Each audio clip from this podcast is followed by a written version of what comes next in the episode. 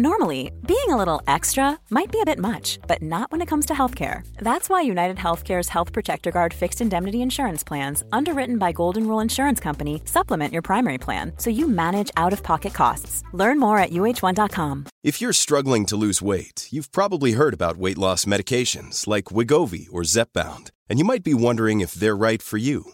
Meet PlushCare, a leading telehealth provider with doctors who are there for you day and night to partner with you in your weight loss journey. If you qualify, they can safely prescribe you medication from the comfort of your own home. To get started, visit plushcare.com slash weight loss. That's plushcare.com slash weight loss. plushcare.com slash weight loss.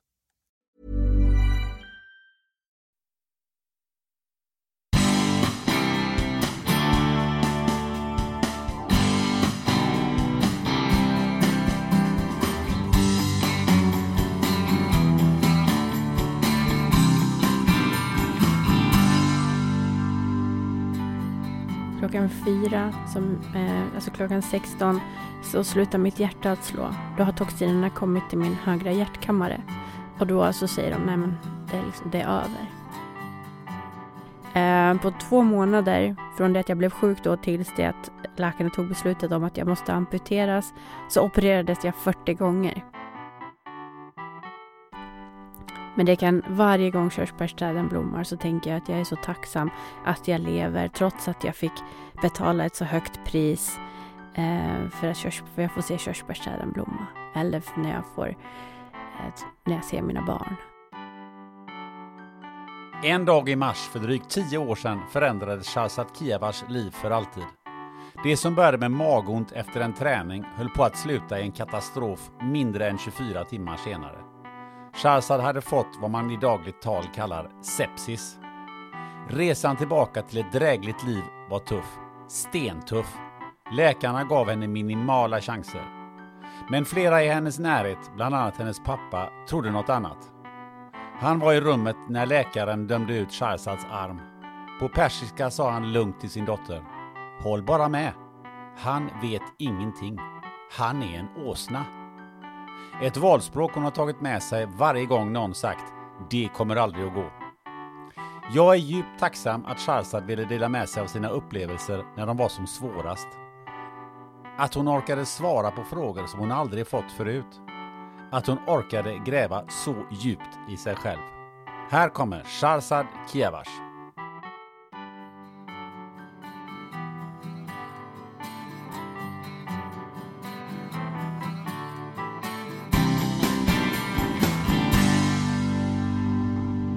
Du har en, en tatuering på vänster överarm. Mm. Vad står det där? I am my own superhero. Ja, vad, vad betyder det? Det betyder att eh, det är bara jag som bestämmer vad som ska bli utfallet i mitt liv. Och att då välja sig, att se sig själv som en superhjälte som är kapabel till att göra precis det hon bestämmer sig för. Coolt! Shahzad Kiavash, välkommen till podden Spännande möte. Tack så mycket. Uttalar jag ditt namn rätt nu? Jättefint. Gjorde jag det? Ja, Mm. för jag har hört så många olika, när jag gjort research på det, så har jag hört så många olika uttal på, på ditt namn. Mm. Ja, vad härligt. Eh, hur mår du? Jag mår bra tack. Du mår det bra. bara fint. Hur ser ditt liv ut idag? Ehm, ja, jag har en familj eh, Ja. och två barn. Så det, ja. Just i ljudtestet eh, alldeles nyss så sa du att du har en son som har som sport att inte sova, eller vad sa du? Ja, han hatar sömn.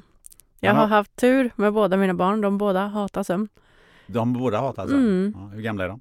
Eh, min dotter fyller fem snart och min son är två och ett halvt snart. Mm. Du, det här med superhero, det ska vi ju eh, komma in på på lite olika sätt i det här samtalet, tänker jag. Mm. Eh, du jobbar ju idag som föredragshållare på, på heltid. Det är ju ditt jobb idag. Ja, det stämmer. Ja. Vad- hur eh, stor del utav eh, det som vi ska prata om, särskilt den här händelsen som var för tio år sedan eh, och som förändrade ditt liv. Hur mycket pratar du om i dina föredrag om det? Ganska mycket. Eh, jag tycker att det Ehm, ska få den plats det förtjänar för att det är ändå min backstory och det är det som är anledningen till allting som hände därefter. Uh, jag hade väl ett jag har ett vanligt liv idag också, men jag hade väl ett väldigt vanligt liv som blev otroligt ovanligt och sen stod jag i ett vägskäl. Och jag tycker att den backstoryn är viktig, ehm, för den visar på mänskligt lidande, men också um, the human spirit och vad vi är kapabla till. Så jag tycker att det är en viktig del av min story, även om den är, den är jobbig att lyssna på, den är jobbig att berätta, eh, den är fylld av misär och elände, men den är essentiell. Mm. Ja, nej, men det essentiella ska vi naturligtvis eh, eh, prata en hel del om även i, eh, i den här podden. Men vi ska också se om vi kan eh, komma lite, lite längre på Shazad eh, 2.0 och kanske 3.0. Vi får väl se var vi mm. hamnar någonstans. Eh, men jag tänker så här, det är tio år sedan som Ganska exakt tio år sedan är det va? Eh, nej, det blir faktiskt elva år. Elva år sedan är det. I mars. Eh, I mars är det elva år sedan. Eh, men starta i, var var du någonstans innan det här hände som vi ska prata om? Du var ett vanligt liv sa du? Ja, jag hade ett, ett vanligt, vanligt liv. liv. Jag eh, hade ett eh, jätteroligt jobb eh, som jag trivdes väldigt bra på. Jag hade nästan gjort färdigt min utbildning. Jag gjorde, gjorde aldrig mitt exjobb. Eh, så jag läste civilingenjör på KTH. Eh, jobbade på ett stort eh, företag med marknadsföring. Ja, tränade, jobbade, hängde med kompisar. Jag var 28 år, levde väl som en 28-åring lever, tänker jag. Ja. Var, var jobbet en viktig del i ditt liv då? Ja, men det, det, tycker jag. Jag tycker att det var... Det var, det var så många tråkiga år i skolbänken. Även om jag tyckte väldigt mycket om att gå i skolan och tyckte om att lära mig saker så började det äntligen ge utdelning. Alltså efter att ha ja, men levt på CSN och eh, knapert. Så helt plötsligt började man tjäna då mycket pengar jämförelsevis och hade en helt annan slags frihet och plus att jag eh, ville bli bättre. Jag ville hitta min plats och jag var väldigt mån om att visa framfötterna och sådär. Så ja, det var absolut viktigt. Det var ju en del av min identitet. Vad såg du framför dig rent eh, arbetsmässigt? Mm, vad såg jag framför mig? Världen. Det har alltid varit min stora dröm att få åka på äventyr och träffa människor och resa världen runt. Och det var det jag ville och det var, det var dit jag var på väg. Jag tyckte verkligen att julen var i rullning och snart var jag där. Och karriären är viktig? Ja, det var den. Jag har aldrig drömt om ett, eh, vad ska vi kalla det, ett, jag har aldrig velat ha barn.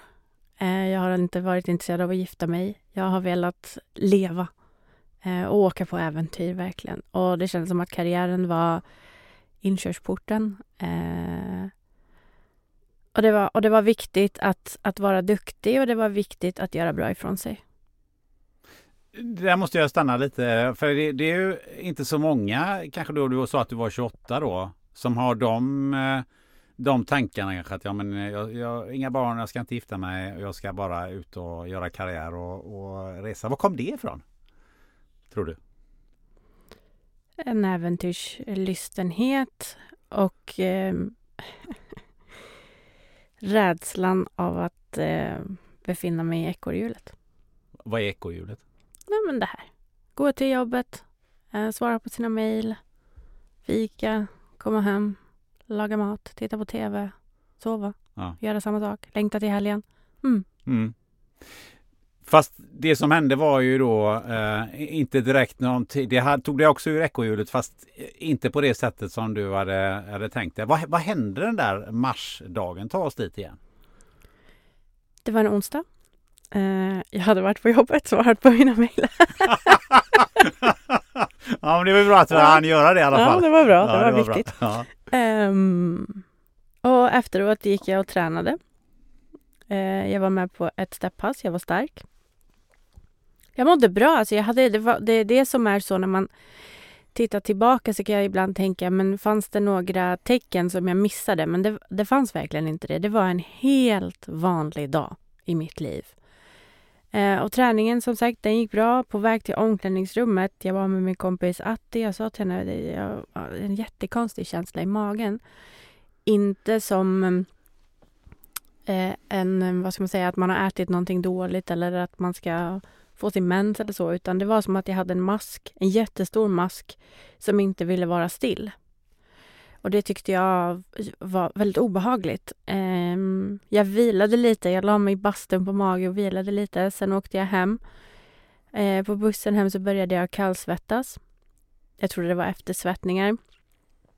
Och sen kom jag hem till min lägenhet där jag var, jag såklart ensam. Ehm, kunde inte äta. Hade någon oro, eller vad ska man säga? en olustkänsla i kroppen, eh, började få ont i kroppen och framförallt i nacken. Ja, tänkte att jag håller på att få influensa. Det var som klassiska influensasymptom. Seg, trött, eh, irriterad. Eh, och så tänkte jag det, jag vilade lite, mässade min chef och sa att jag kände mig lite konstig. Eh, och sen eh, så några, någon timme senare, vid midnatt ungefär, så fick jag bröstsmärtor och hjärtklappning. Eh, och det var såklart oroväckande. Så jag ringde 112. Eh, de kom eh, och då satt jag i soffan och var otroligt uppstressad. Jag hade eh, mm, snabb andning och eh, jag toppandades. Och jag hade väldigt hög puls. Jag hade 144 i puls och de sa till mig att jag behöver andas ner i magen och försökte lugna ner mig och sådär. Och jag sa att det är någonting som inte stämmer. Det här är en väldigt ovanlig känsla. Det känns som att jag håller på att dö. Och jag får inte plats i min egen kropp och till slut sa de till mig att jag har fått en panikångestattack. Ehm, och det hade inte jag haft förut och jag visste inte hur det skulle kännas. Men jag tänkte att man måste ha psykisk ohälsa för att man ska få en sån panikångestattack och det hade inte jag. Eh, vad jag tyckte själv. Och de sa att man inte alls, det behöver inte alls vara så. Det kan vara triggat av god stress.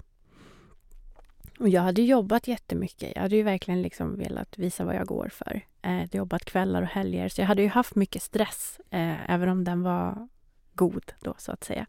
Eh, så jag sa nej, det är inte det. Eh, till slut sa de att jag kan få följa med, men då får vi åka till psykakuten på Karolinska. Och det ville jag inte, eh, för jag tyckte inte att ehm, ja, jag tyckte inte att det kändes ehm, rimligt Ehm, så jag sa, nej men ni kan åka, jag klarar mig själv. Ehm, men då sa de att jag ska ringa dit någon så att jag inte är ensam. Så jag ringde förstås min lillebror då, som också har flyttat till Stockholm här. Han är 19 år, han är 9 år yngre än vad jag är.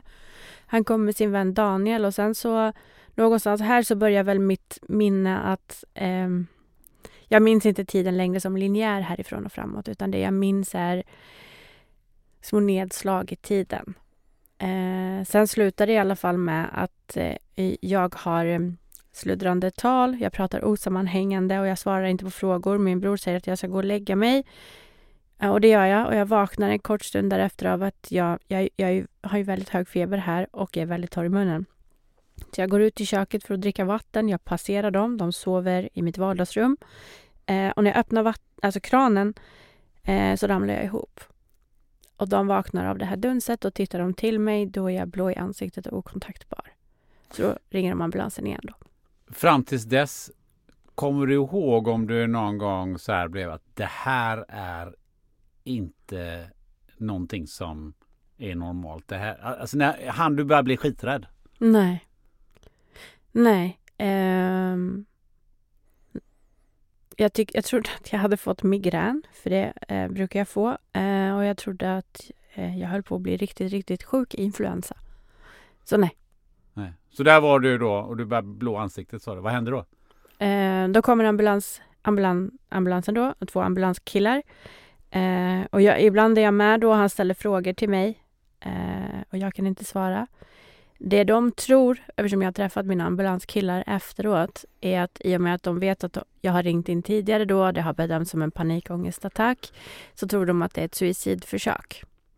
Så det de går runt i min lägenhet och river liksom och letar efter eh, tecken då på att jag kanske har tagit tabletter eller liknande. Och den ena frågar min bror, ha, eh, har din, tror du att din syster har försökt ta livet av sig?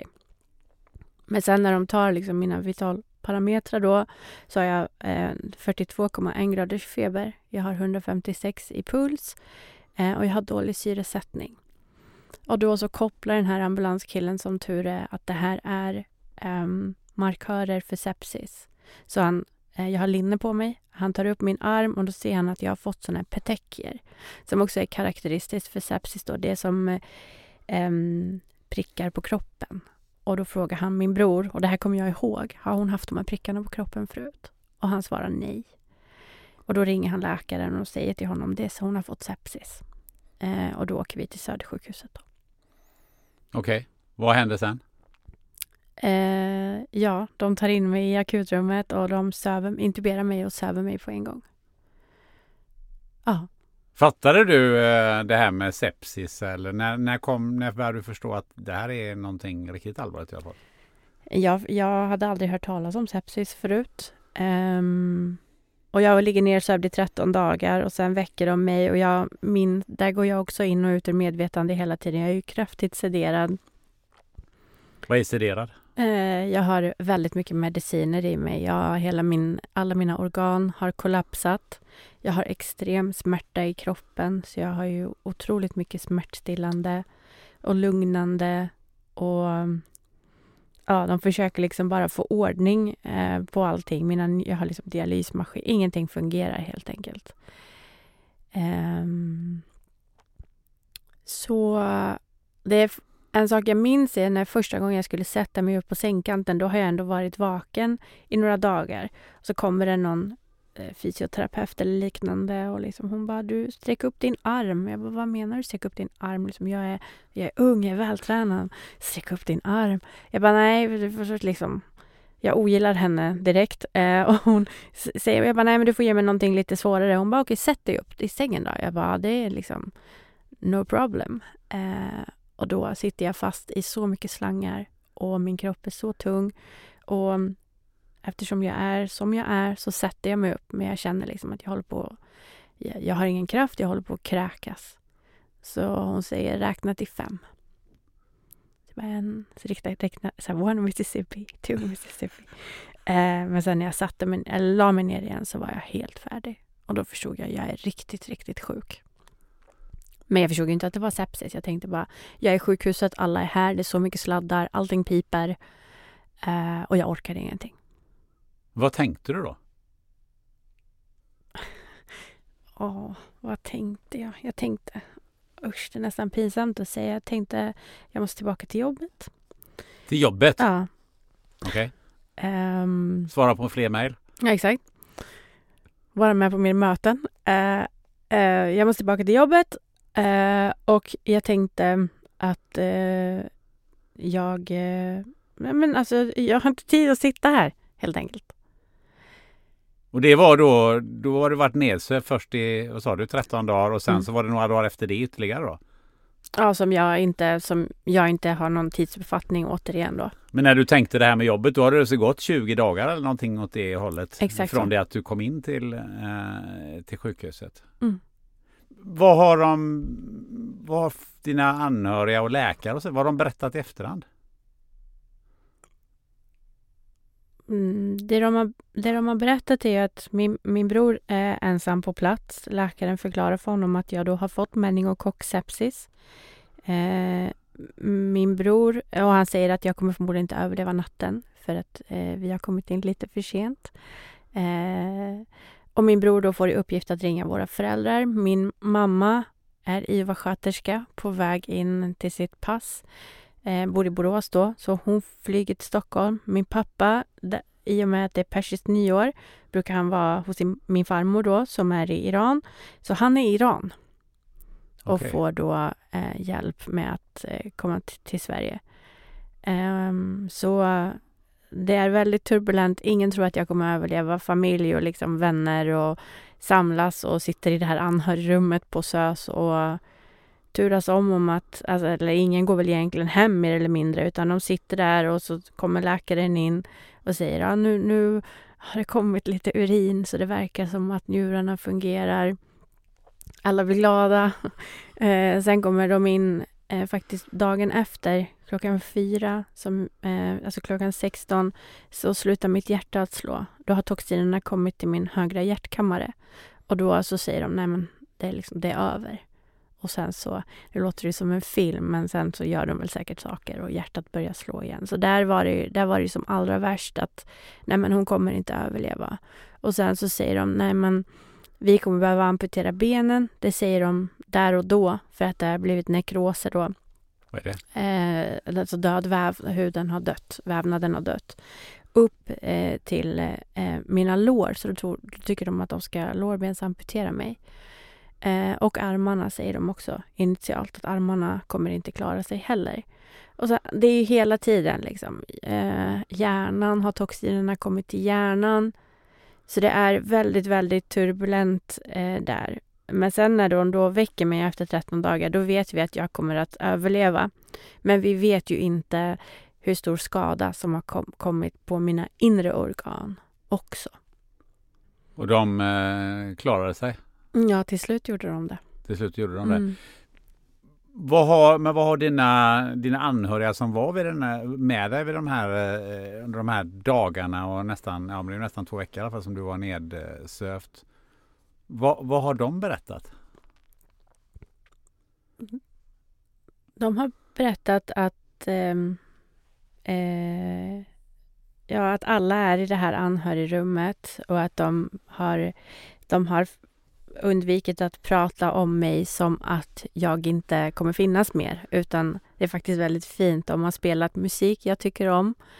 Eh, de har pratat om alla minnen de har med mig, men i en kontext där jag fortfarande finns. De har liksom bara pratat om mig hela tiden på ett Ja, jag blir väldigt rörd av att höra det. Eh, och de har varit där och mina föräldrar och min bror och mina bästa vänner har ju varit vid min sida och varit i rummet, pratat med mig, klappat på mig. Så det, det har varit väldigt... Det, det berättade också personalen på SÖS att det var väldigt fint. att det var, Jag blev aldrig lämnad. Det var alltid någon som var med mig. Mm. Mm. Det, måste vara, det måste vara oerhört viktigt just i de, i de lägena, även om du inte kunde kommunicera med dem. Mm. Ver verkligen. Jag, eh, jag, som sagt, jag blir, jag, blir, jag blir väldigt rörd av det, även om eh, jag kan tänka att det är väldigt självklart. Jag hade gjort exakt samma sak i, i speciellt kanske i vår kultur, att, att alla sluter upp när någonting dåligt händer. Men det är också eh, väldigt fint att varje gång jag slog upp ögonen så, så fanns det någon där eh, som pratade och fanns vid min sida. Tyvärr då, eh, och å andra sidan, så eh, minns jag ingenting. Man hade ju hoppats på kanske en liten souvenir av något slag, du vet, något, något ljus eller så, men nothing. Ingenting så? Nej, ingenting alls. Det var intressant, jag tänkte bara stanna, stanna upp där. Du sa eh, kultur. Vi har ju inte nämnt att du eh, är ursprungligen från Iran. Eh, men du nämnde det här med kulturell eh, skillnad. Eh, finns det en sån, eh, kan du uppleva? I, de, i just i denna kontexten? Att man sluter upp ja, på ett annat ja, sätt? Jag vill säga ja. Sen kan jag ha fel, mm. men jag upplever att mina eh, för, för, för, mina iranska vänner och för min eh, iranska, alltså min, såklart min släkt, för dem är det väldigt självklart att när någonting dåligt händer så dyker alla upp och de, de, de går inte. Jag tror att mina svenska vänner däremot var så här, får vi vara här? Är vi i vägen? Eh, man kanske inte vill här får du rätta mig. Vad tycker du? Jag tycker ingenting. Du tycker ingenting? Nej, men jag tycker, ja, men jag tycker det är intressant att höra. För att visst eh, kan jag tycka... Eh, jag kan ju bara gå på mig själv. Mm. Jag kan tycka att det är svårt överhuvudtaget hantera den typen av situation. Vad är det man ska säga eller vad de ska mm. göra? Hur ska man prata med anhöriga och, och så vidare. Och jag tror att där kanske vi har lite hämningar. Mm. Eh, vi, vi svenskar. Vi kanske har lite svårt att, att prata om eh, och med varandra. Mm. Så, så kan det vara. För oss är det nog inte kanske att man kommer och man visar att man finns där och sen så gör folk så här fina saker som att eh, någon, någon, dag så var det någon som lagade mat åt alla och tog med sig så de inte behövde gå och äta för sjukhusets kafeteria. Någon tar med sig te, någon tar med sig fika. Det är liksom, man bara visar att man finns. Eh, och det kan jag uppleva, inte i det, i det kritiska skedet, men sen när jag låg på IVA och på alla de här avdelningarna. Det var ju väldigt mycket spring hos mig. Och, mina, och om jag bodde, delade rum med någon så kände, kunde jag ibland ömma för dem, att de var ensamma. Men att jag alltid hade någon runt mig och all, inte alltid, men så gott som alltid hade någon vid mig. Ja, det kan jag relatera till de få gångerna jag har varit med på sjukhus och, det inte har hjälpt eh, mig själv för jag har inte varit så mycket på sjukhus. Men eh, att när man ser eh, familjer där man ser att det, det, finns ett ursprung någonstans i Mellanöstern eller någonting sånt där så är det alltid väldigt många. Mm. Ja, det har varit vid, vid eh, barnafödslar eller vid... Eh, det, det, det, det, det, är som det är hela släkten, det är svart av folk. Mm. Ja men så är det. Och, och sen, sen så är ju, är ju vi jag vill, jag vill nämna det för jag tycker att det är viktigt i, i, i, den, i det stora hela, inte i den här, den här frågan som vi har kommit in till nu. Att eh, i början när jag låg där eh, nedsövd eh, och liksom ut, vad ska vi kalla det, utsatt och ja, utsatt, eh, så, så kom det folk hela tiden i mitt rum. Och då hade min bästa vän sagt, eh, och det är liksom helt normalt att folk gör det, men då hade min bästa vän sagt att den Charzad jag känner har väldigt mycket integritet och hade inte velat att folk skulle se henne i den här situationen. Så jag tycker inte att vi ska låta folk gå in hur som helst. Och det tycker jag ändå var fint, liksom att det ska vara mycket folk, det ska vara mycket kärlek, men varje människa har sina egna gränser. Och så var det också när jag var, låg på avdelningar och på IVA och sådär. Jag var väldigt bra och alla var väldigt duktiga på att lyssna när jag sa nu orkar jag inte mer. Nu behöver jag vara för mig själv lite grann. Så det är väl det som är fantastiskt med det här mellanförskapet. Att man plockar godbitar från båda kulturer. Ja, det är väl det bästa. Mm, ja. Verkligen. Eh, när, du, när man väl hade konstaterat okej, okay, du överlever och, och så vidare. Vad, vad, vad var nästa steg? Um, jag låg ju fortfarande på IVA. Jag låg på IVA i ungefär åtta veckor. Jag blev förflyttad till sjukhuset i Borås på grund av att det var där mina föräldrar bodde och de hade bott i det anhörigrummet och det var ju såklart väldigt jobbigt för dem. Eh, här var ju fortfarande allting kaos. Mina njurar funkade inte, mina binjurar funkade inte. Men jag hade haft så mycket lunginflammationer. Jag hade väldigt svårt att äh, syrsätta mig själv fortfarande. Det var svårt med andningen. Eh, benen såklart. Eh, och mycket, mycket, mycket smärta. Eh, så jag tror att det sista som läkte då, så att säga, eh, var mina eh, binjurar. Och det var i juli. Då visste vi att nu har alla organ klarat sig. 100 procent. Vi vet att allt har återhämtat sig. Men sen var det då det här med mina ben. Att det var eh, då nekroser och att det verkade som att eh, eh vi ville verkligen, mina föräldrar ville verkligen rädda mina ben så det kom kärlkirurger och det kom fotkirurger som försökte frilägga kärl och få igång blodcirkulationen i mina underben. Eh, på två månader från det att jag blev sjuk då tills det att läkarna tog beslutet om att jag måste amputeras så opererades jag 40 gånger. 40 gånger? Ja, 40 gånger. Var du sövd 40 gånger ja. alltså? Hur reagerar man där på 38 gången att inte, ja nu ska vi ta, nu ska du narkos igen och så ska vi operera dig. Vad, vad, tänk, uh -huh. vad tänker man då? Men jag älskar operation. Nej, det tror inte jag. Jo, det är världens bästa plats. Det är så tryggt. Samtidigt, okej, okay, jag, ska inte vara, jag ska inte vara sån. Det var jättejobbigt, eh, men samtidigt tänkte jag om jag står ut så kanske de lyckas rädda mina ben. Så samtidigt så var det som att jag bet ihop, men jag tycker också att eh, personalen på sjukhusen, samtliga sjukhus som jag var på, fantastiska, eh, behandlade mig så väl. Jag kände mig så trygg på operation. Eh, nej, men, sa jag att jag hade ont så fick jag smärtstillande. Så, uh, jag eh, kände mig aldrig otrygg på sjukhuset. Det måste jag ändå säga. Av alla gånger jag opererats har jag aldrig känt mig otrygg. Men det var i, i hopp om att få behålla benen som, som, jag, som jag gjorde det. Um, sen, sen så är det också det att människan är anpassningsbar och man, man, man vänjer sig.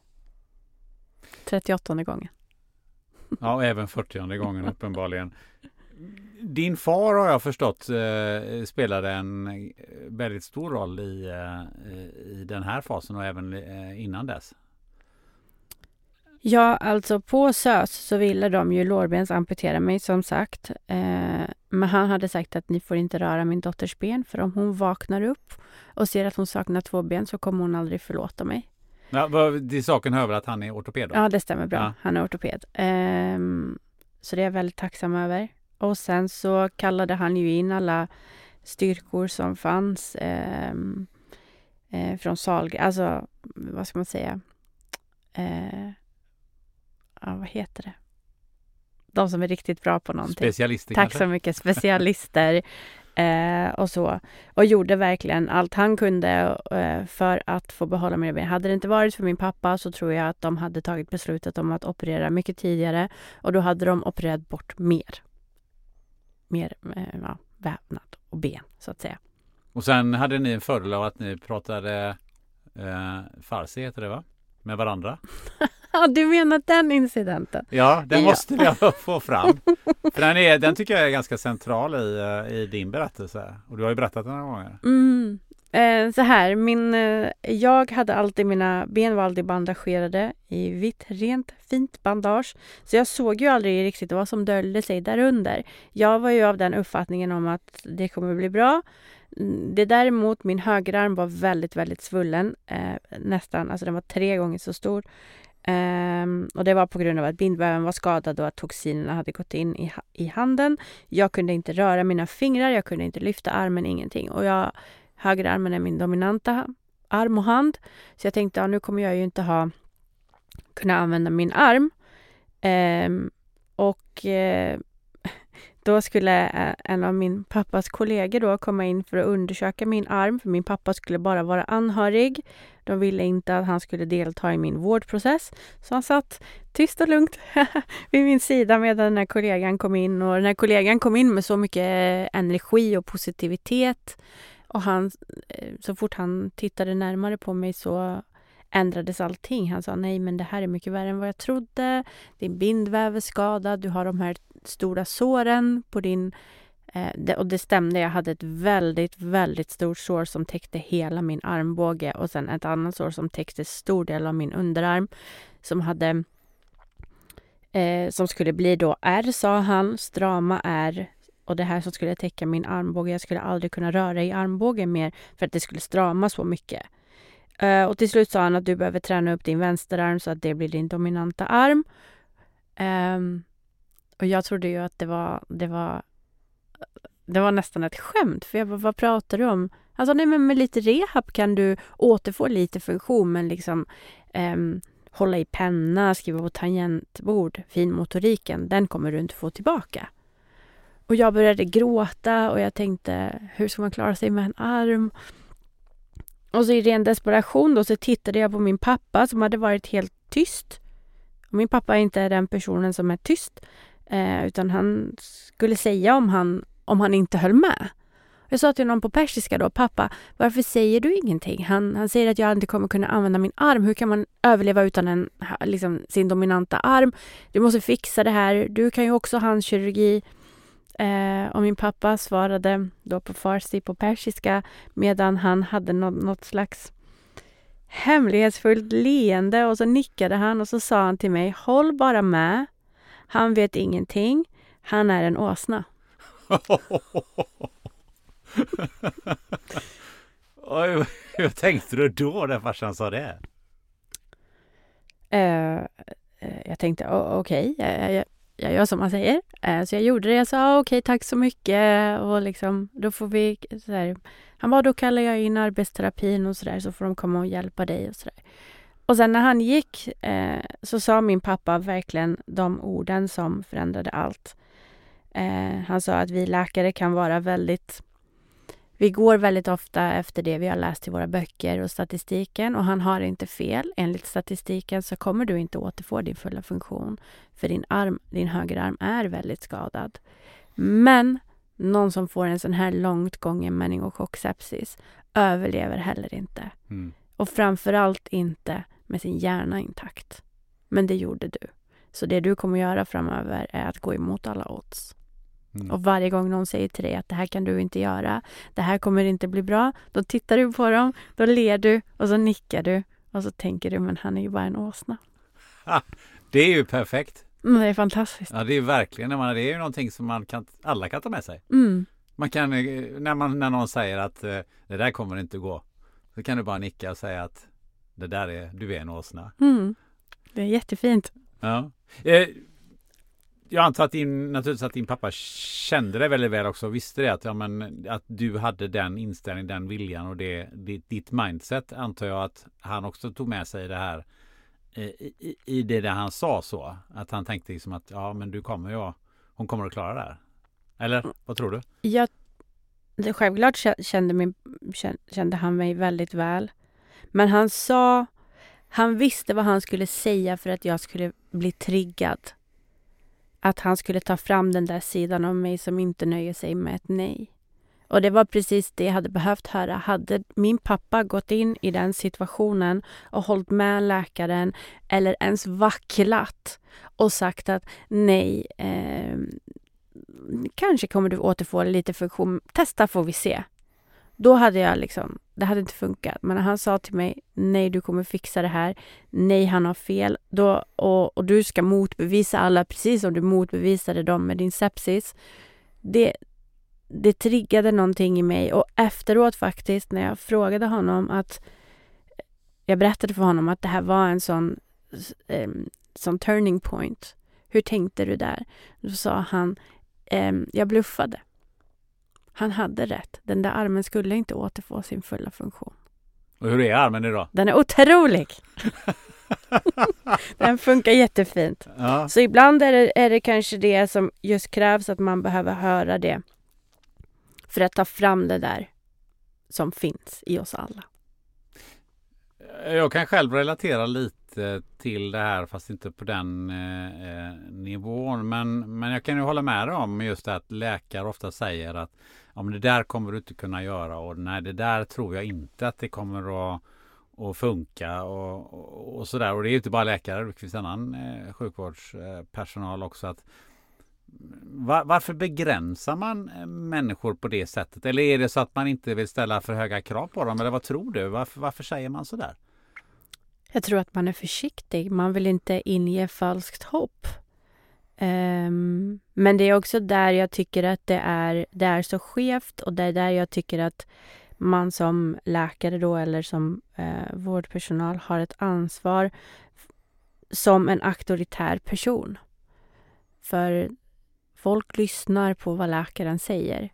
Uh, och jag satt ju på rehab. jag, jag klarade inte av att vara på rehab uh, under de här luncherna och sånt för då satt ju de andra patienterna som också hade då, var på rehabilitering. De satt liksom runt matbordet och bara doktorn säger att jag kan inte, jag kan inte bära tungt igen så då gör jag inte det. Men, men vad händer om du försöker?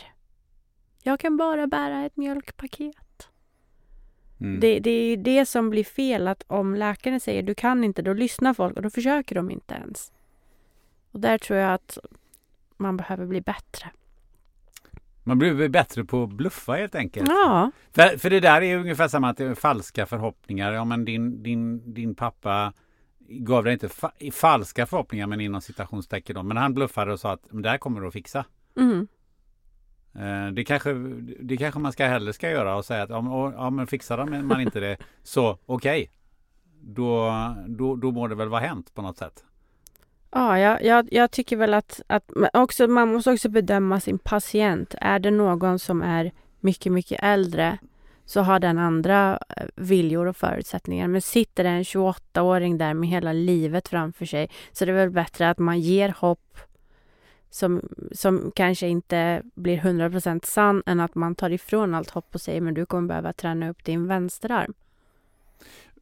Vänsterarmen och högerarmen klarade sig men det som inte klarade sig det var ändå trots de här 40 eh, eller 50 operationerna så, så hände det ju någonting med dina ben till slut. Ja, kroppen stötte bort dem. Det fanns ingen eh, blodcirkulation kvar i större delen av båda mina underben. Eh, så då fanns det inget annat man kunde göra än att just då amputera. Hur eh, tänkte du när de sa det? Ja, jag kände mig som att jag hade misslyckats. Um, men jag tänkte att jag inte ska ställa till med någon scen. Jag sa okej, okay. vi ses på måndag. Men innerst inne så? Jag, jag var rädd. Eh, för att jag kände inte till någon annan som hade proteser. Jag, vis, jag, jag visste ingenting. Jag hade, jag hade ingen, in, ingen aning om vad jag skulle förvänta mig eh, att det skulle bli. Jag tänkte bara proteser är fula eh, och jag kommer inte kunna ha klänning. Ja. Sen var jag förstås väldigt chockad och så vidare, så man tänker väl inte 100% klart. Du säger jag har misslyckats. Du tänkte inte läkarna har misslyckats. Varför tänker du att det är du som har misslyckats? Ja, det, det är en bra fråga. Jag vet inte varför jag tänkte så. Jag kände bara att det var ett enormt misslyckande och eh, jag är väl inte en sån som gillar att skylla på andra. Så jag tänkte att det var, måste väl ha varit jag som inte har försökt tillräckligt bra. Jag tänker, får man eh, skuldkänslor så efteråt eh, när man har varit igenom en sak och sen så ska det vara amputering och ja, det är någon som måste hjälpa mig och, och, och sådär. Vad, vad, vad tänker man när det gäller det? Skuldkänslor gentemot vem? Gentemot andra. Som behöver ta hand om en? Ja, eller eh, som har tagit hand om det. Eller, för det har jag hört från andra som säger att ja, men de, jag, jag fick sådana skuld jag fick sådana skuldkänslor. Eh, eller vad, vad, vad tänker man kring det? Eller är det stickspår? Uh, nej, det, det, är en bra fråga. Jag försöker bara tänka så att, att, jag, att jag formulerar mig på ett bra sätt här. Jag... Såklart jag fick skuldkänslor gentemot mina föräldrar och min lillebror som mm, ja, behövde ta hand om mig. Men inte så mycket att de behövde ta hand om mig utan när jag såg i deras ansikten, vilken otrolig sorg de kommer få bära på resten av sitt liv på grund av att det här hände mig. Det, det, den är fortfarande tung. Även om jag liksom lever ett normalt liv idag så fin, finns det en sån enorm... Min mamma till exempel, jag brukar ibland, speciellt när årsdagen närmar sig, så tycker jag om att prata om det. Det är som att hennes hjärna har liksom blockerat bort allting i ren survival mode. Hon minns inte. Hon säger liksom, ja, vi var på sjukhuset men jag vet inte. Så det är en otrolig sorg eh, att, att, det var ju såklart inte det jag ville, men att lägga på andra att få bära.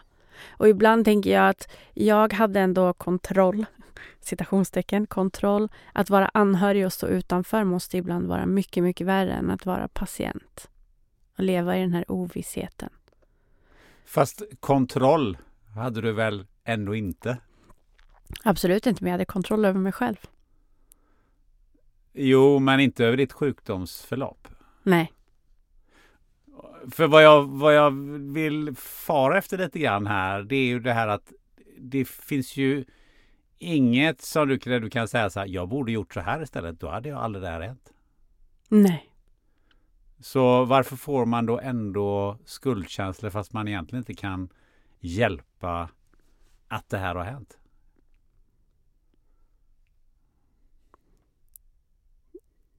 Nej, det, det här är... A lot can happen in the next three years. Like a chatbot may be your new best friend. But what won't change? Needing health insurance. United Healthcare Tri-Term Medical Plans are available for these changing times. Underwritten by Golden Rule Insurance Company, they offer budget-friendly, flexible coverage for people who are in between jobs or missed open enrollment. The plans last nearly three years in some states, with access to a nationwide network of doctors and hospitals. So for whatever tomorrow brings, United Healthcare Tri-Term Medical Plans may be for you. Learn more at uh1.com. Quality sleep is essential. That's why the Sleep Number Smart Bed is designed for your ever-evolving sleep needs. Need a bed that's firmer or softer on either side? helps you sleep at a comfortable temperature, Sleep Number smart beds let you individualize your comfort so you sleep better together. JD Power ranks Sleep Number number 1 in customer satisfaction with mattresses purchased in-store. And now save 40% on the Sleep Number limited edition smart bed for a limited time. For JD Power 2023 award information, visit jdpower.com/awards. Only at Sleep Number stores or sleepnumber.com. If you're struggling to lose weight, you've probably heard about weight loss medications like Wigovi or Zepbound, and you might be wondering if they're right for you. Meet PlushCare, a leading telehealth provider with doctors who are there for you day and night to partner with you in your weight loss journey. If you qualify, they can safely prescribe you medication from the comfort of your own home. To get started, visit plushcare.com slash weight loss. That's plushcare.com slash weight loss. plushcare.com slash weight loss. Det är en bra fråga, men det är... Jag, jag, jag tänker själv, nu när jag själv är mamma, om någonting sånt här skulle God forbid, hända någon, något av mina barn. Hur, hur bär man det? Hur blir man någonsin hel när man ser att ens barn utan att ha jag tror inte det spelar någon roll, men gjort någonting som du säger för att det här skulle hända mig. Det kom från ingenstans, det var helt random. Så otroligt orättvis värld. Och så ser man ens barn gå igenom det här fruktansvärda och det man gör är att stå på sidlinjen. Eh, va, hur ska man någonsin kunna bli bra igen efter det. Så den, den, även om det aldrig var mitt fel och jag önskar att det inte hade blivit så här och jag gjorde verkligen mitt bästa för att inte belasta andra eh, så var det en sån, det var en sån enorm sorg och mina föräldrar försökte hålla ihop det eh, och det var, det var jobbigt att bevittna. Nu så här långt efteråt, eh, vi är som sagt var tio år efter ehm, hur, hur, hur har du hanterat den sorgen? Hur ser den sorgen ut nu? Och då tänker jag mer gentemot dig själv. För jag antar att du bär också på en sorg. Varför, varför gick det så här? Mm. Um, sorgen av, av att vara på väg upp i livet och sen bli så hårt nedslagen Eh, och sen förlora två kroppsdelar, tid, pengar, you name it. Eh, den sorgen kommer aldrig gå över.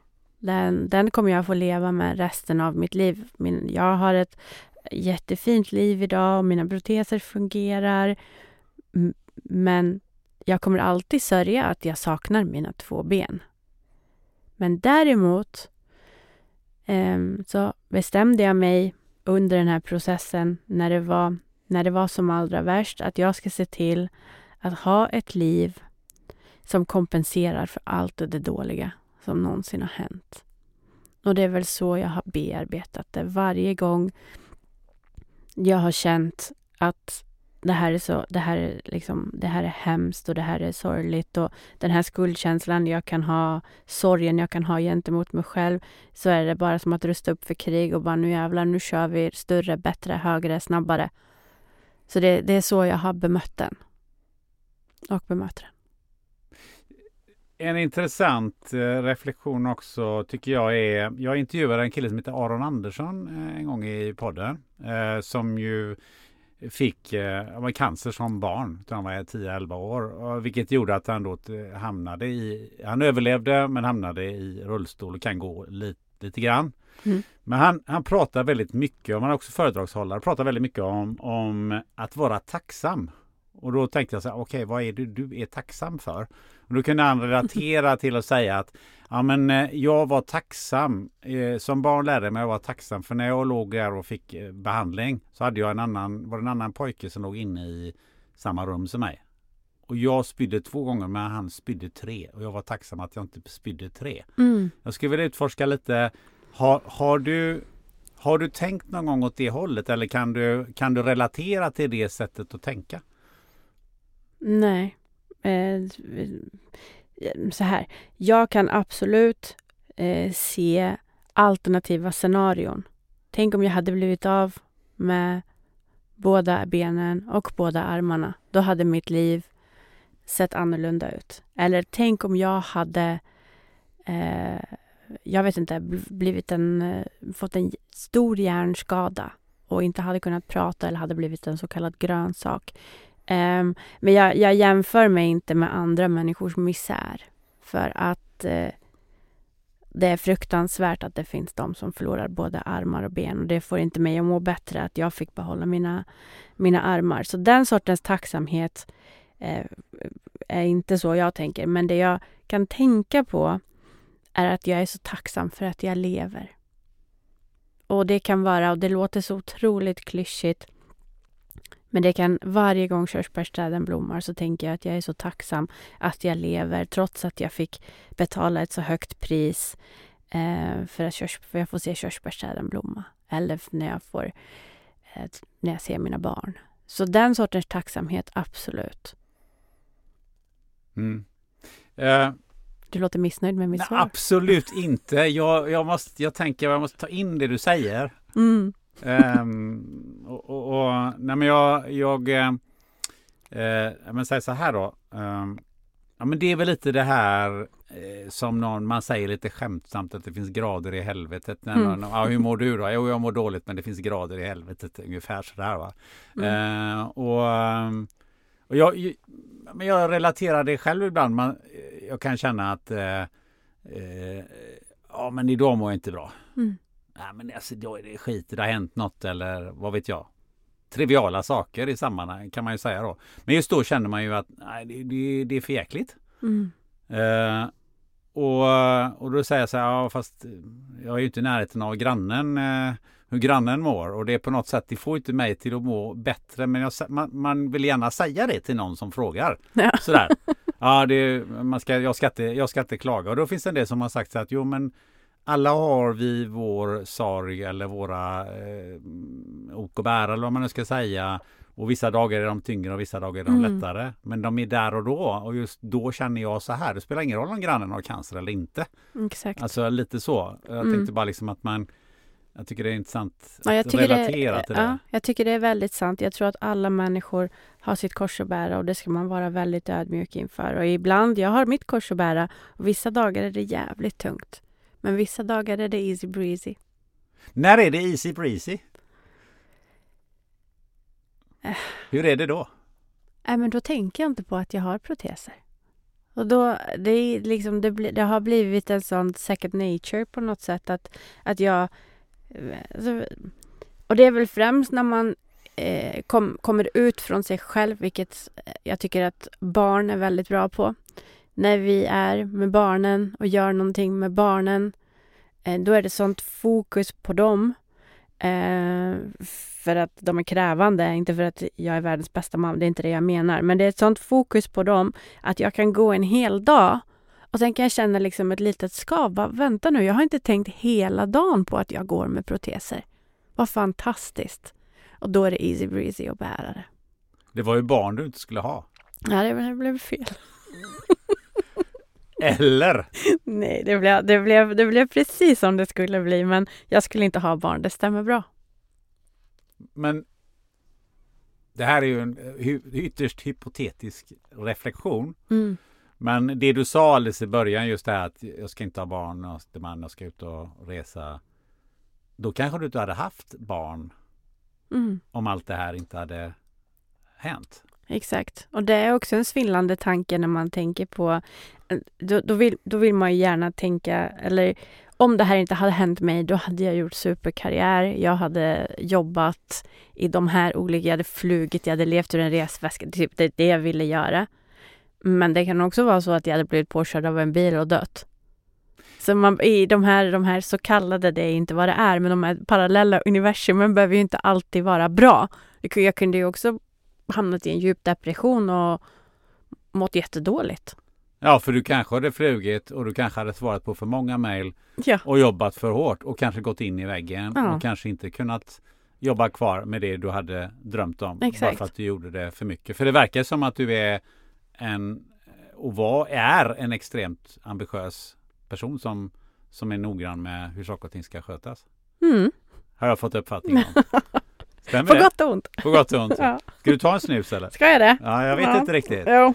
Du sa ju det i början här att, eh, att du är... Nu ska vi inte ge ifrån oss några hemligheter. Ja, en liten easy breezy. Ja. ja. Jo, men idag är en sån där easy breezy dag. Ja, vad roligt. Ja. ja. Härligt. Ja. ja. Trots att vi pratar om tunga saker. Ja. ja. Eh, Men om vi går tillbaka till eh, det är någonting som såklart man, en fråga man ställer sig och, och alla säkert ställer sig så här. Du sa det själv, varför fick jag det här? Ge oss lite en bild. Vad är sepsis? Varför drabbas man? Och ehm, um, hur, hur, hur många får det här? Mm. Så sepsis, tack för att du frågar den här frågan för jag tycker att den är mycket viktig. Sepsis är alltså när kroppen reagerar felaktigt på en infektion. Så det som har hänt med min sepsis, som är då meningokocker, som är bakterien som jag har drabbats av. Eh, den är luftburen, den finns i näsa och i svalg och man kan vara aktiv bärare av den utan att faktiskt bli sjuk. Och 10 15 procent av Sveriges befolkning bär någon gång på meningokocker utan att insjukna. Så det som har hänt i mitt fall är att kanske någon på tunnelbanan har hostat, eh, nyst och så har en vit saliv kommit in i min mun eller så. Och sen har det kommit in, i, trängt igenom mitt immunförsvar. Det betyder att mitt immunförsvar har antingen överreagerat på det eller reagerat fel på det. Och så har det släppts igenom mitt immunförsvar. Och sen har den här bakterien kommit in i min kropp och då eh, kommit in i mitt blodomlopp och sen, eh, vad ska man säga, multiplied i min kropp och, i, och så åkt runt i hela min kropp med det här eh, då, eh, vad ska man säga, blodet och toxinerna i den. Och vi har gjort massa tester på eh, i det som tur är så var det ingen som insjuknade i min närhet, till exempel på jobbet. Alla de fick ju testa sig. Det var ingen som bar på meningokocker, eh, mina vänner och sådär.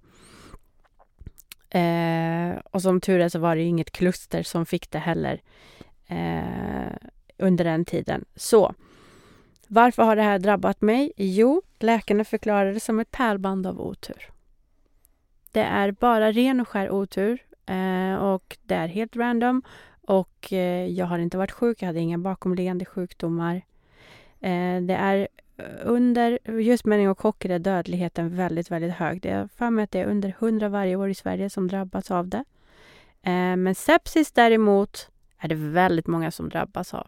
Det är fler som drabbas av sepsis i Sverige varje år än de fyra vanligaste cancern, cancerorsakerna sammanlagt. Måste jag bara eh, ställa frågan. Meningokocker, är det en form av sepsis eller hur ska, vi, hur ska jag tolka det? Nej, meningokocker är en bakterie Okay. Som man kan också få till exempel sepsis av streptokocker, stafylokocker. Eh, så meningokocker är bakterien, sepsis är det då som blir, som brukar kallas i folkmun för blodförgiftning. Så sepsis är alltså tillståndet. Mm, Okej. Okay. Du säger att det är många fler och det är många som, som får det. Du sa det var vanligare än de fyra, fyra vanligaste cancerformerna. Mm. Eh, men hur utvecklas sepsis för, för de människorna? För där är inte dödligheten lika hög, antar jag. Eh, det kan vara att du får det från en urinvägsinfektion eh, som blir då till sepsis. Det är en del som tyvärr efter sin graviditet drabbas av sepsis. Så, eller att de som får en cancerbehandling har ju ett nedsatt immunförsvar, blir utsatt för någon av de här bakterierna och sen drabbas de av sepsis. Då. då kan man ju undra vad kan man göra åt det för att inte drabbas av det? Finns det någonting man kan göra överhuvudtaget? Till exempel meningokocker eh, finns det faktiskt en, eh, ett vaccin för. Eh, men det ingår inte i vaccinationsprogrammet. Eh, det är om man ska resa som man behöver ta det. För Eh, pneumokocker brukar det ju finnas, eh, som barnen får det då eh, i det här allmänna vaccinationsprogrammet. Men det man behöver göra, eh, får man Får man sepsis om man kan symptomen om man tar sig till sjukhuset innan det blir så här illa, då får man antibiotika och sen blir det bra. Så det är viktigt att lära, om, om det nu är att man behöver antibiotika, så får man det. Eh, så det som är, är att man behöver lära sig mer om sepsis, man behöver lära sig om symptomen eh, och man behöver såklart utbilda sig själv och sen så behöver såklart vården bli mycket bättre på det också, vilket de har blivit under de här åren sedan jag insjuknade. Men tyvärr så händer det ju fortfarande att eh, det blir feldiagnostiserat. Men då tycker jag det absolut är läge för att eh, eh, både jag och ni som lyssnar på det här eh, kan få en, eh, vad ska man kalla det för crash, crash course eller åtminstone en, en, en liten grund i vad är det vi ska titta efter? För där, är det så här vanligt så det är viktigt att vi berättar på vad man ska titta efter. Exakt så. Eh, och eh, varje gång man får några av de här symptomen så är det ju såklart inte sepsis. Jag vill bara poängtera det. Eh, men är det så att man har två eller fler av de här symptomen så då är det dags att uppsöka vård. Och en fråga som jag eh, sitter i styrelsen för Sepsisfonden, någonting jag är väldigt, väldigt stolt över. Och är det någonting som vi säger är att om man uppvisar två eller flera av de här symptomen så kan man även påminna ibland genom att säga kan det här vara sepsis? Så om vi går igenom symptomen. Det är förvirring och sluddrande tal. Det hade ju jag, prata osammanhängande. Ansträngd andning. Snabb puls utan någon särskild anledning. Skakfrossa och feber. När vi pratar skakfrossa pratar vi om att håller du i ett glas med vatten i så ska vattnet ramla ut, inte att man har mindre frossa då. Svår smärta och muskelsvaghet. Diarré och kräkningar. Kräkningar hade jag också. Och de här fläckarna på huden, det vill säga petecker. Lågt blodtryck och låg urinproduktion. Men sepsis är också lömskt på det sättet. Jag hade exempelvis ingen temp. Men nu i efterhand kan jag se att jag hade låg temp. Okay. Det är också någonting. Mm. Så det är inte lätt. Nej, det är inte lätt. Uh, men nu, det är bra. Nu har vi fått, nu har vi fått uh, koll uh, på det. Nu tycker jag vi ger oss tillbaka uh, till där vi gjorde den här lilla utflykten. Det vill säga att de bestämde sig för att vi måste amputera benen, underbenen har jag förstått. Mm.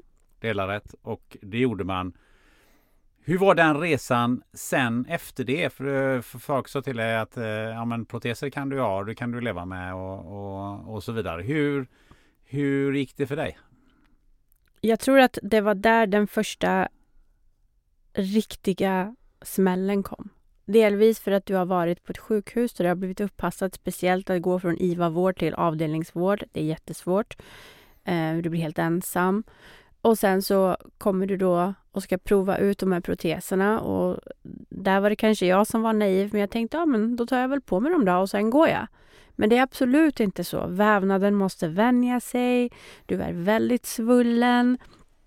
Såklart, du har precis blivit amputerad. Vi fick ta hudtransplantat från mina lår för att stänga igen såren. Så liksom mjukdelarna är skadade, vävnaden är skadad. Och här kom då tålamodsprövningen deluxe för mig. Att Alltså första gången man brukar ha såna här eh, silikonhylsor under. Den första gången man tar på sig de här silikonhylsorna kan man ha dem i en minut kanske. Varför alltså måste man, För att det är så länge kroppen klarar. Vad hände sen? Mm, det blev, för mig blev det blåsor och sår. Så här måste man då, det de sa till mig hela tiden, du måste skynda långsamt. Eh, och det här var väldigt, väldigt svårt. Så dag ett hade du dem i någon minut, dag två hade du dem ytterligare någon minut. Och sen så skulle så, ja, vävnaden liksom var svullen. Och sen så kunde du belasta. Första gången gick jag tio steg. Sen var jag färdig. Andra dagen kunde man kanske gå tio steg igen om man hade tur och sen så fick man bakslag genom att det blev sår och blåsor igen. Och har du blåsa då, då kan du såklart inte belasta så då fick du ligga igen tills det att såren och blåsorna läkte. Så det här var en, en väldigt, väldigt lång, lång, lång process som jag inte hade väntat mig. Utan jag trodde ju bara, men då, nu har jag gjort det värsta. Jag har liksom gett ifrån mig mina ben. Och nu kommer jag gå. Men så var det inte. Det kanske tog, utan att överdriva nu, ett och ett halvt år. Tills det att jag kunde någorlunda belasta.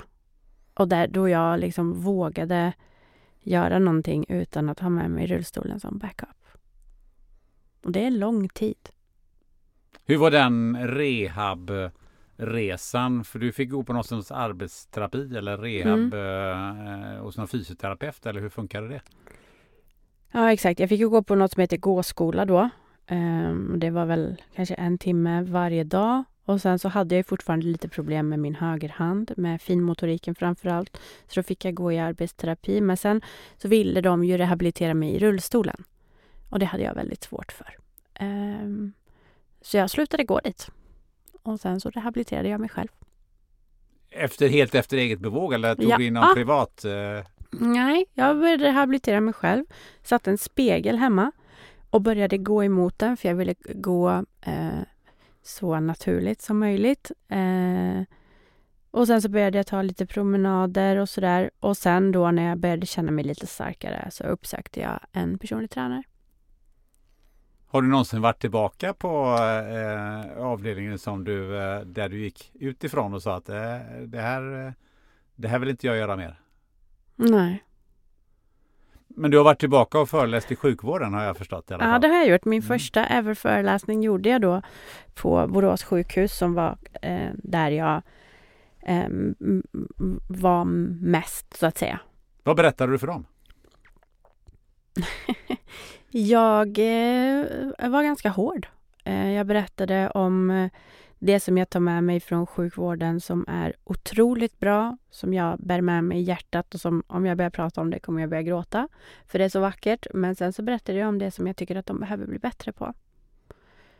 Ja, det var vågat. Är det lite det som du har varit inne på när det gäller det vackert att du får att man verkligen får den omvårdnaden och det som du har pratat om innan här att, att, eh, att sjukvården verkligen att det, det är människor som ställer upp. Ja, bl- bland annat är det det. Jag tycker att, jag tycker att sjukvården, nu har ju de det liksom svårt som det är. Men jag tycker att man inom sjukvården behöver bli mycket bättre på att se sin patient för eh, det den patienten är. Speciellt i sådana här kriser. Att eh, liksom rullstolsrehabilitera någon som uttrycker att de verkligen inte vill använda rullstolen eh, istället för att satsa på att gå och rehabilitera mig. Det tycker jag var väldigt konstigt. Eh, bland annat. Så jag tycker att man behöver se patienten som en helhet, som den den är och sluta gå efter de här schablonerna som men vi hade den här personen och den personen älskade sin... Man bara, men jag är Sharzad, jag är något annat. Vad sa de då? De jublade och de applåderade. Och de är fantastiska på det sättet. De, eh, de, de, var väl, de var väldigt fina och dag två som jag hade så kom det ännu mer människor som ville lyssna på min föreläsning. Och, va, och det är otroligt hur en sån hårt utsatt grupp av människor som har ett så viktigt och så svårt jobb eh, är så otroligt bra på att ta till sig av kritik. Mm. Men det är Mm. ju fantastiskt att höra. Det är otroligt. Ja.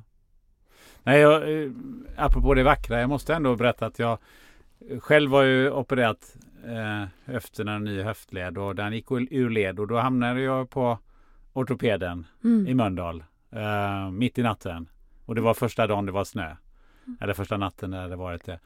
Och eh, jag blev också väldigt imponerad av alla de som jobbade där. Och det var ju allt möjligt, alla möjliga människor som, som låg där och som Mm. hade alla möjliga olika tillstånd. Men det var aldrig ett ont ord och aldrig, aldrig någonting. Mitt i natten så kunde vad som helst hända. Men det var alltid positivt och alltid. Jag, jag sa till någon av de här att ni gör ett fantastiskt jobb. Ja, det gör de. De är...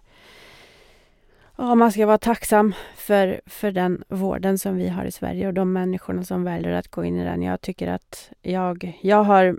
Såklart finns det dåliga saker, men jag har så god erfarenhet av eh, svensk vård eh, i alla lägen. Jag har fött barn, allting. Otroligt under, under de omständigheter som de faktiskt jobbar.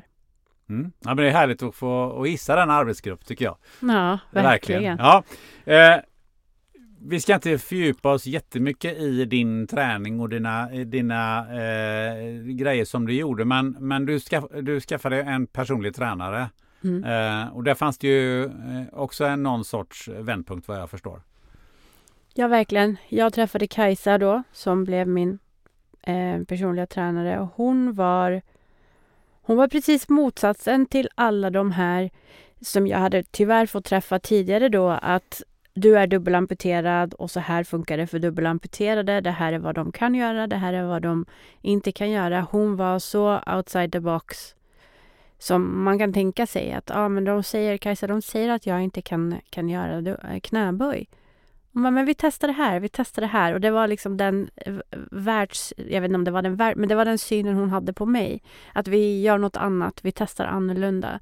Och så var ju hela våran resa tillsammans eh, och även när min tränare Jonas kom in i bilden, att de hade ett sätt att se på mig eh, som bara drev mig framåt. Att okej, okay, men nu har du inga ben eller nu funkar det inte att göra på det här. Men vad händer om vi testar på det här sättet?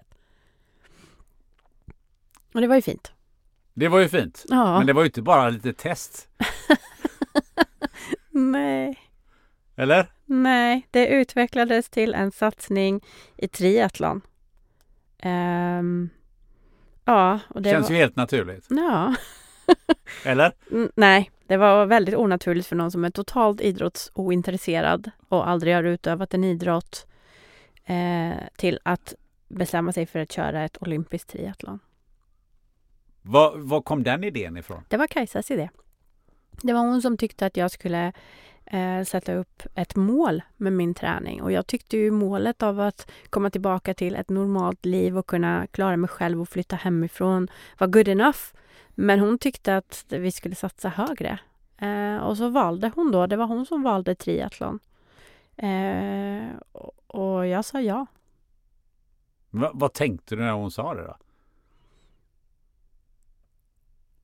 Jag, jag, eh, jag tänkte först tänkte jag hon är ah, helt galen. Hon har tappat det. Men sen tänkte jag det här kan bli ett otroligt äventyr och vem är bättre att ha vid min sida än hon? Men hur mycket erfarenhet hade du av, av eh, de här sporterna Nej innan? men ingenting. Absolut ingenting. Jag kunde inte simma. Jag var livrädd för vatten. Eh, jag har bara cyklat som ett barn och jag hatade att springa. Okej, det verkar ju vara en bra grundförutsättning. 100 procent. Men det var, det var ju det. Det var, det var eh, mindsetet och det var, det var viljan som, som fanns där. Och sen när jag väl började göra det så var det ju roligt. Och det, och det gav mitt, mitt liv en helt ny mening. För när jag vaknade upp på morgonen så tänkte jag, jag ska köra Stockholm triathlon. Och nu är det ja, 11 månader kvar då. Och idag måste jag göra det här. Och det gav mig en, en purpose. Det gav mig en mening. Det gav mig en anledning att gå upp ur sängen. Och det var stort, för det hade inte jag haft. För jag hade haft mycket anledningar att kämpa. Men att vakna och bara yes! Nu kör vi! Ja. 11 månader mm. och sen så, du menar att du tränade 11 månader och så gjorde du en triathlon? Ja. Det är ju extremt kort tid. Det måste man säga. Alltså, jag visste inte det då, men jag förstår det nu. Ja.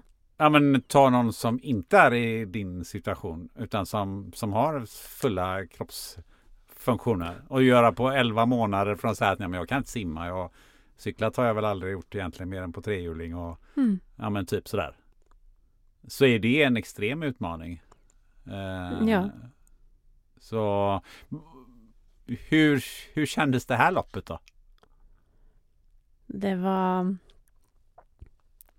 Det, det var en revansch. För mig var det såklart, jag ville göra det på en bra tid och jag ville fullfölja det. Men det var som att man knöt ihop, det var i alla fall vad jag trodde. Att nu knyter jag ihop den här säcken, det här blir liksom, nu är det 1-1.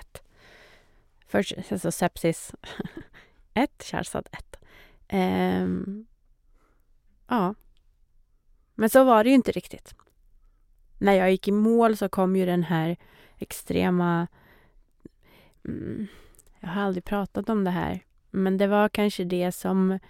Eh, det skakade om mig lite grann, för jag tänkte att nu kommer det kännas... Nu kommer jag känna mig hel.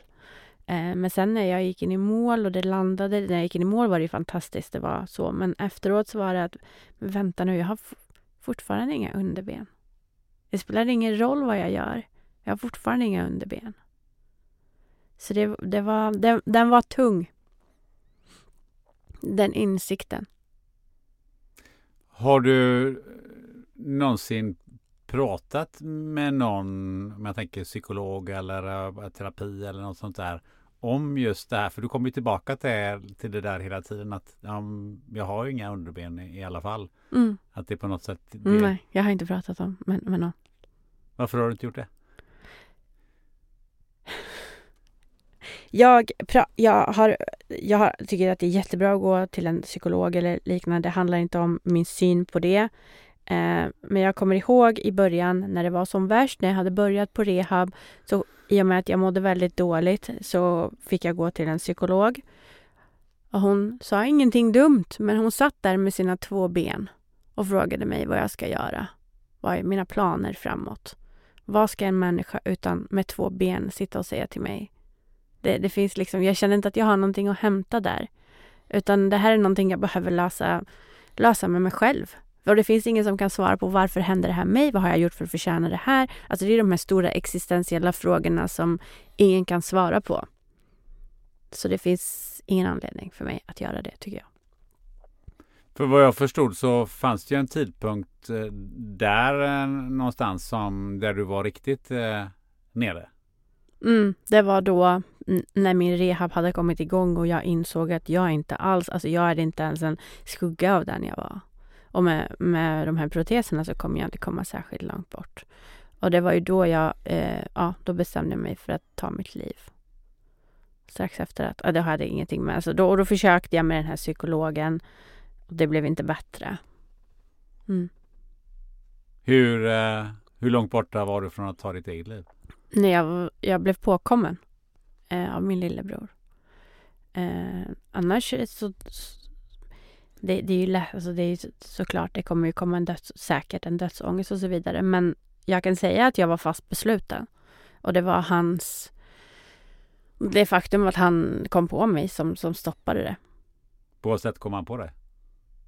Eh, han skulle gå och träna eh, och det var då det skulle eh, ske. Men så av någon okänd anledning så vände han om och så kom han in i mitt rum och så såg han vad jag höll på med. Och du höll på med? Eh, att ta mitt liv. Okej. Okay. Mm. Vad tänker du om det nu? Så här långt efteråt? Att jag är extremt tacksam eh, för att han kom in där och då. Men jag är också väldigt ledsen för att han, att han behövde bära det. Mm. Mm, man kan säga att det var andra gången som du eh, som du var extremt nära mm. döden. Kan man, Exakt fast på ett helt annat sätt. Så han, min lillebror, har räddat mitt liv två gånger. Mm. Men sen gjorde du aldrig några mer försök utan vad var det som gjorde att det vände? Var, varför, varför försökte du inte nästa dag? För att han såg helt förkrossad ut. Han sa ingenting. Först såg han förkrossad ut och sen så blev han bara mer och mer apatisk ju mer jag pratade och försökte jag vet inte, förklara, rationalisera för honom varför det här det är bättre om, om det blir så här.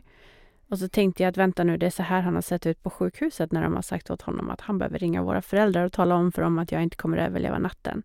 Och vad håller jag på att göra mot honom? Och det tåls att sägas också att som sagt, vi har nio år i åldersskillnad. Det enda jag ville ha när jag var ett barn var en lillebror.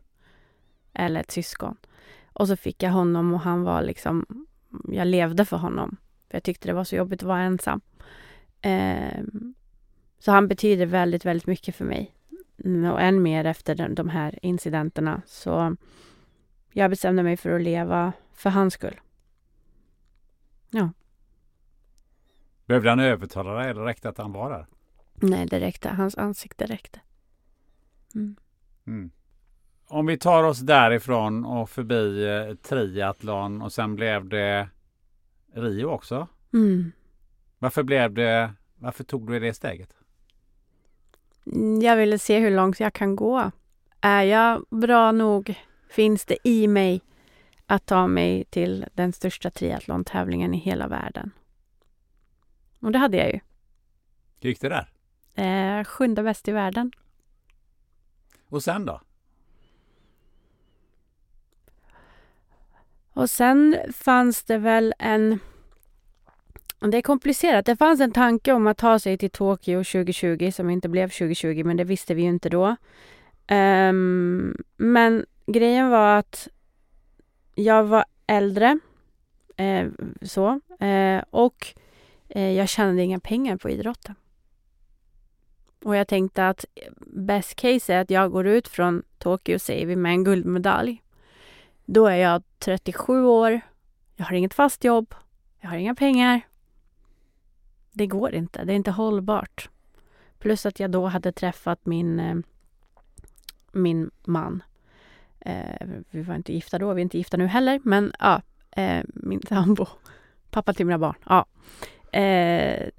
Ja. Din kärlek? Min kärlek. Ja. Så vi... Ja, så det var tanken att fortsätta. Men sen så började då mina föreläsningsuppdrag att öka. Eh, och jag började tycka om det väldigt mycket. Så det var väl, så tänkte jag, men jag satsar på det, men jag, jag kör eh, Tokyo samtidigt. Eh, men sen så blev jag gravid. Mm. Och det var inte planerat då, med andra ord. Men då började ett nytt liv? Ja. Vad tänkte du då? Som inte skulle ha barn?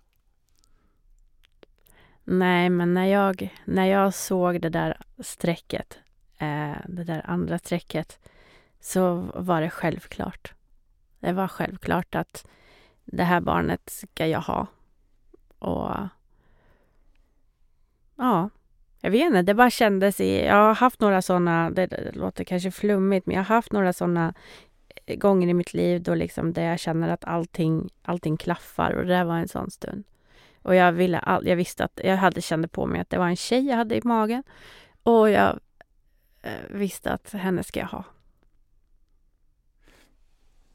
Varför jag också säger det är ju att om man läser på din hemsida, Mm. något i din blogg, så handlar det också om inte bara att du inte skulle ha barn och göra karriär och allt vad det var för någonting, utan det fanns också en rädsla där om just eh, barnet och hur, hur det skulle gå. Mm. Rädslan var ju att eh, vad är det här för orättvis värld vi lever i som inte har någon ordning? Där sådana här fruktansvärda saker händer någon på en helt vanlig onsdag.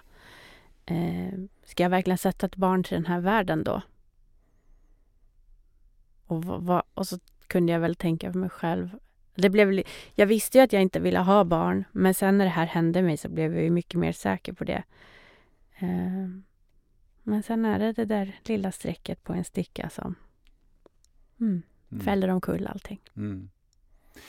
Var det några större tankar, eh, alltså om man tänker på världssituationen eller, eller vad som kan hända ett barn i, i, i den vanliga världen, förutom just det här som, som hände dig som ju var extremt olyckligt och ovanligt. Det, det finns ju betydligt fler barn som råkar ut för något helt andra, mer Mm. vanliga saker. Hur, hur, hur tänkte du kring det? Ja, men det, det, det är ju... Jag menar, man som förälder kan göra det bästa, bästa jobbet som man kan, men man styr inte världen utanför. Och det är klart att vi lever inte i... Jag menar, som du säger, det kan ju hända vad som helst. Så sådana där saker påverkade mig också att... Ja, vi, vi lever inte i en, i en orätt... Vi lever inte i en rättvis och en bra värld. Och vem vill sätta ett barn till den här världen? Hur påverkar det dig som mor eh, nu, de här tankarna? Mm, Det är inte ett sätt att leva. Att gå runt och oroa sig och vara ängslig för att någonting ska hända ens barn, det, det, det är inte bra. Så jag, jag, jag menar, det är klart att jag gör mitt bästa och när min dotter blir äldre så, så kommer jag prata med henne om saker, men jag går inte runt och oroar mig.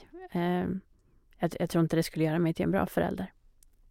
Det låter ju väldigt så här enkelt och logiskt, men om man, om man har känt så innan som du har beskrivit, hur, hur har du kommit till, till den slutsatsen? Jag, jag tänker ofta att man måste tänka att människor vill väl.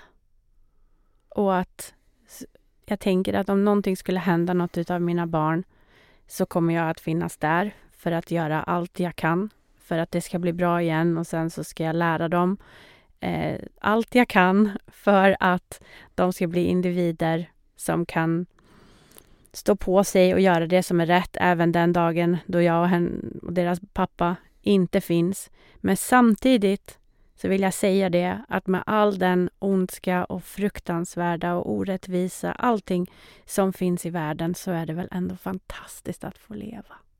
Ja, men visst är det så. Mm. Ehm, du, det tycker jag är ett bra slutord, känner jag. Ja. Bara så här plötsligt. Ja. Ja, fantastiskt bra slutord måste jag säga. Ehm, hur det känns att sitta och prata med mig här. Bra.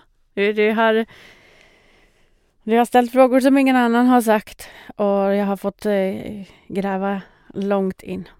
Mm. Ibland är känslor som man inte vill rota i. Men det är Nej. bra. Men, eh, nej, men det, jag, jag är väldigt tacksam över att eh, du också har delat med dig utav det eh, och, och kunnat ta de, de frågorna som jag har, som jag har ställt. Mm.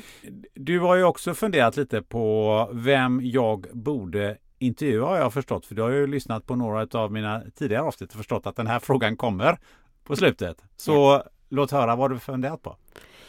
Jag tycker att det är viktigt att vi får höra mer från vårdpersonal. Jag tycker att deras, eh, inte bara om covid och allting som har med det att göra, utan deras vardag, vad de möts av och vad de får se varje dag som är mycket elände, men jag kan tänka också mycket livsglädje och mycket kärlek. Så mitt tips är att Eh, Du ska intervjua Karin Hildebrand, IVA-läkare på Södersjukhuset. Bland annat i Stockholm. Också eh, hon som förde talan eh, för personalen under eh, covid. En fantastisk kvinna. Mm, jättebra tips. Tack. Vi har haft några läkare i, i podden tidigare men, eh, men det finns eh, väldigt mycket mer att prata om. Det är helt klart så. Mm. Eh, Det finns säkert också väldigt många fler som vill, skulle vilja prata med dig eller ha dig som föredragshållare eller någonting sånt. Varsågod och gör lite reklam för dig. Hur får man tag på dig? Hur gör man? Ja, jag har en hemsida som heter charsad.nu. Där finns ett kontaktformulär där man gärna får kontakta mig. Och eh, min Instagram, Charsad Kiavash. Perfekt. Eh, Shahrzad Kiavash, ett stort, tack eh, för det här eh, samtalet. Jag tar med mig alltihopa. Ja, tack för att jag fick komma hit. Du har lyssnat till det 140 avsnittet av podden Spännande möten. Nu har jag bestämt mig. Nu levlar vi upp, som det så vackert heter. Du ska få ett nytt avsnitt varje vecka, hela vägen fram till semestern. Jag är fast besluten om att utveckla den här podden och fler avsnitt är en viktig del av detta. Hoppas du hänger med hela vägen och gärna rekommenderar spännande möten till dina vänner. Som vanligt så kan du lyssna på avsnitten före alla andra och utan reklam genom att sponsra podden på Patreon.com. Leta upp spännande möten där och teckna dig på ett abonnemang. Är du redan nu nyfiken på nästa avsnitt? Då ska du få träffa Bengt Baron som tog OS-guld på 100 meter rygg i Moskva 1980. Det blev instegsbiljetten till en fantastisk karriär i toppen av svenskt näringsliv. Till dess vet du vad du gör. Du sätter dig med en vän, tar något gott att dricka och funderar på om Absolut Vodka smakar lika bra som flaskan är snygg. Ha det gött!